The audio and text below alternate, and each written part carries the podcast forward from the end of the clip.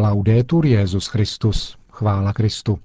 Posloucháte české vysílání Vatikánského rozhlasu ve čtvrtek 31. prosince.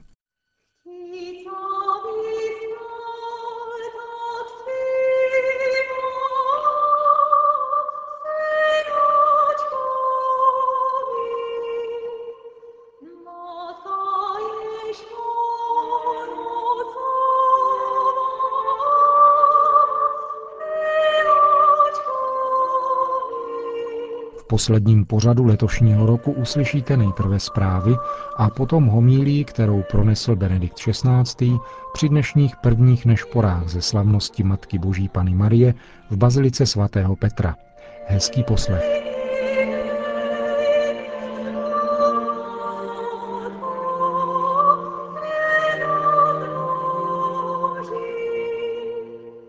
Zprávy vatikánského rozhlasu. Řím.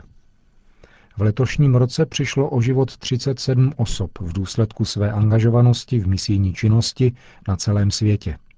Je to nejvyšší počet za posledních deset let. Seznam těchto svědků víry podává každoročně římská misijní agentura Fides, podléhající Vatikánské kongregaci pro evangelizaci národů. 30 z letošních obětí tvoří kněží, z nichž 20 je diecézních. Tři byli redemptoristé a po jednom pak z různých řeholních komunit. Kromě toho jsou na seznamu svědků víry také dva seminaristé, dvě řeholnice a tři věřící lajci. Nejvíce těchto vražd se stalo v Americe, celkem 23. Ke dvěma došlo v USA, ostatní se staly v Jižní Americe, v Brazílii 6, v Kolumbii 6. Hned po tomto kontinentu následuje Afrika, kde bylo zabito 11 osob působících v pastoraci – Nejvíce jich bylo v Demokratické republice Kongo, čtyři. V Ázii došlo ke dvěma vraždám v Indii a na Filipínách a v Evropě k jedné, konkrétně ve Francii. Poznaň. Letošního evropského setkání mládeže pořádaného každoročně na přelomu roku ekumenickou komunitou Teze se účastní 30 tisíc osob – Celkem pět dní se od 29. prosince do 2. ledna dělí o své náboženské zkušenosti, scházejí se k modlitbám a hledají své křesťanské povolání. 30 tisíc mladých Evropanů bylo přijato ve 150 farnostech Poznaně a okolí. Všichni byli ubytováni v rodinách. Denní program začíná nejprve setkáními po skupinách, odděleně v jednotlivých čtvrtích a v poledne a večer pak společně prostorách tržiště mezinárodních poznaňských trhů. Každý z účastníků obdrží list, který napsal pro tuto příležitost bratr Alois, představený komunity v Teze, během své nedávné návštěvy v Číně. Větnam. Dobré zprávy o tání, které nastává ve vztazích mezi státem a církví, přicházejí z Větnamu. Vlády třech provincií tohoto socialistického státu poprvé dali svolení ke konáním vše svaté během Vánoc. Do letošního roku to nebylo možné. Dokonce i pohyb jednotlivých kněží v provinciích Dien Bien, Son La a Lai Chau byl důkladně monitorován. Katolická církev v těchto provinciích totiž nemá jediný kostel a žádný katolický kněz tam nesmí bydlet. Svátečních bohoslužeb v soukromých domech se tam letos účastnilo několik set osob – pro mnohé z nich to byl velký zážitek, který vzbudil naději na povolení regulérní pastorace.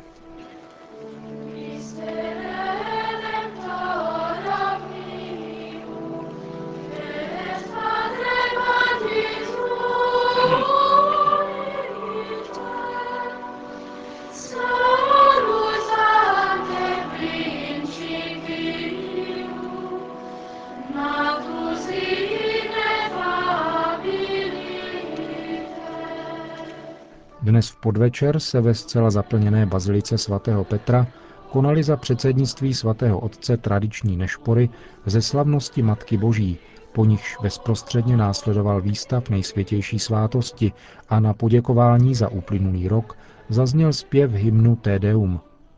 Benedikt XVI. v homílii řekl e Drazí bratři a sestry, Ci ritroviamo questa sera nella Basilica Vaticana. Na závěr roku bohatého na církevní i světské dění se ocitáme tento večer ve vatikánské bazilice, abychom slavili první nešpory ze slavnosti Matky Boží Pany Marie a zaspívali pánovi dějin a času i hymnu z díků zdání. Jsou to především slova apoštola Pavla, která jsme právě vyslechli a která vrhají zvláštní světlo na závěr roku.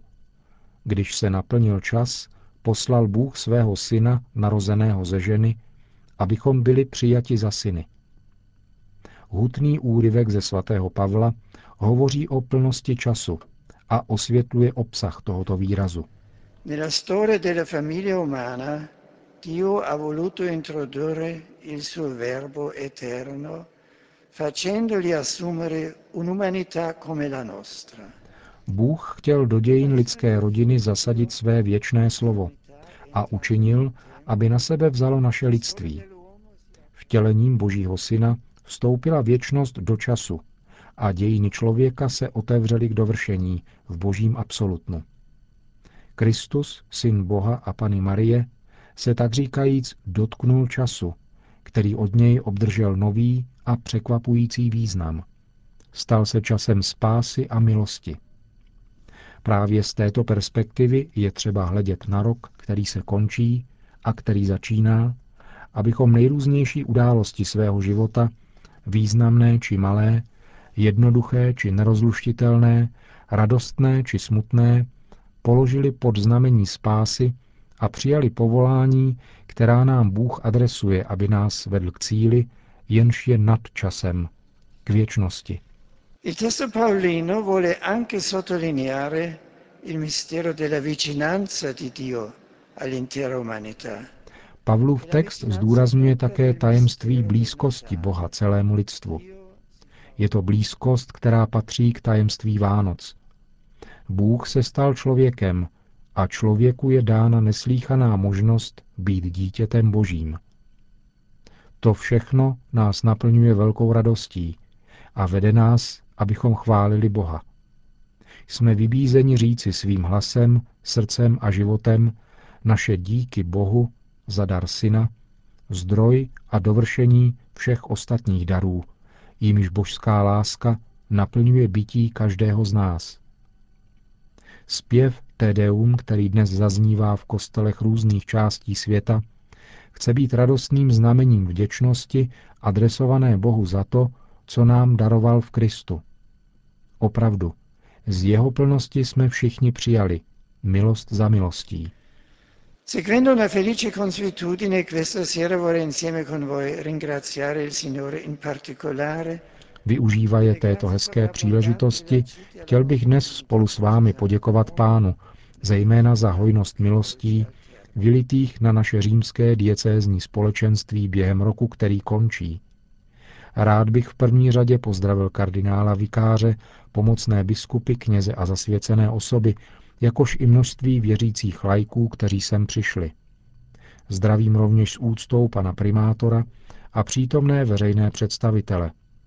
Dále mám na mysli všechny, kdo žijí v tomto městě, zejména ty, kteří se nacházejí v obtížných a nepříjemných situacích. Všechny a každého ujišťuji svou duchovní blízkostí, projevující se trvalou vzpomínkou v modlitbě. Cari fratelli e sorelle, Roma ha bisogno di sacerdoti che siano annunciatori coraggiosi del Vangelo.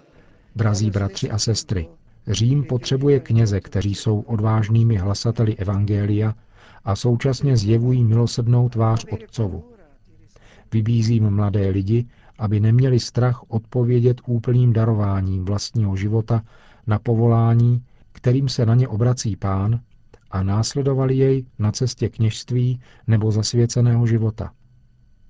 Už nyní se těším, že 25. březen příštího roku, den 25. výročí vyhlášení Světového dne mládeže a 10.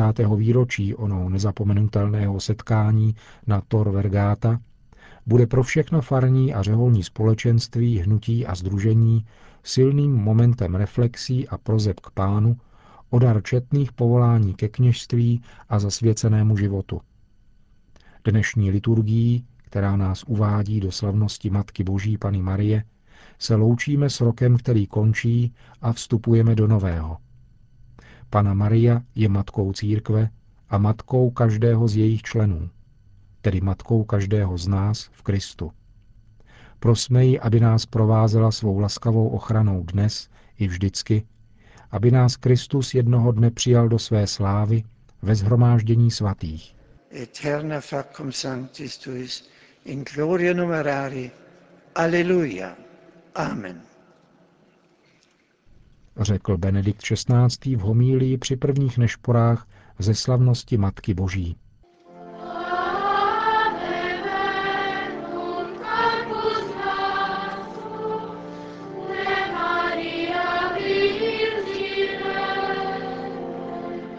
Při výstavu nejsvětější svátosti oltářní pak zazněl hymnus Te Deum.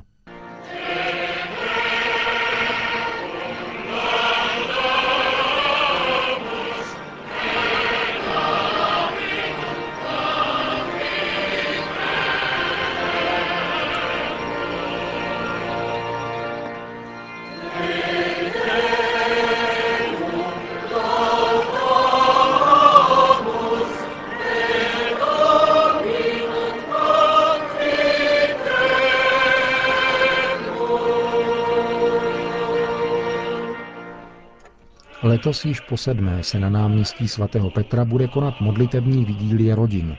Jejím organizátorem je hnutí Rodinná láska. Zhromáždění se bude modlit za pokoj a jednotu v rodinách a mezi národy. Silvestrovské bdění před vatikánským Betlémem začíná půl hodiny před půlnocí a potrvá do rána. Modlitbě bude předsedat u nás dobře známý a vážený kardinál Giovanni Coppa. Během liturgie účastníci obdrží svíci, kterou bude každý moci vložit k jesličkám. Loňského roku se silvestrovského bdění účastnilo několik tisíc osob a zájem o takto prožitý přelom kalendářního roku narůstá. V pátek 1. ledna na Nový rok bude v Bazilice svatého Petra Benedikt XVI. předsedat eucharistické liturgii ze slavnosti Matky Boží Pany Marie – Bohoslužbu a homílí svatého Otce vám přiblížíme v našem pátečním pořadu. S přáním požehnaného nového roku všem našim posluchačům končíme dnešní vysílání vatikánského rozhlasu. Chvála Kristu. Laudetur Jezus Christus.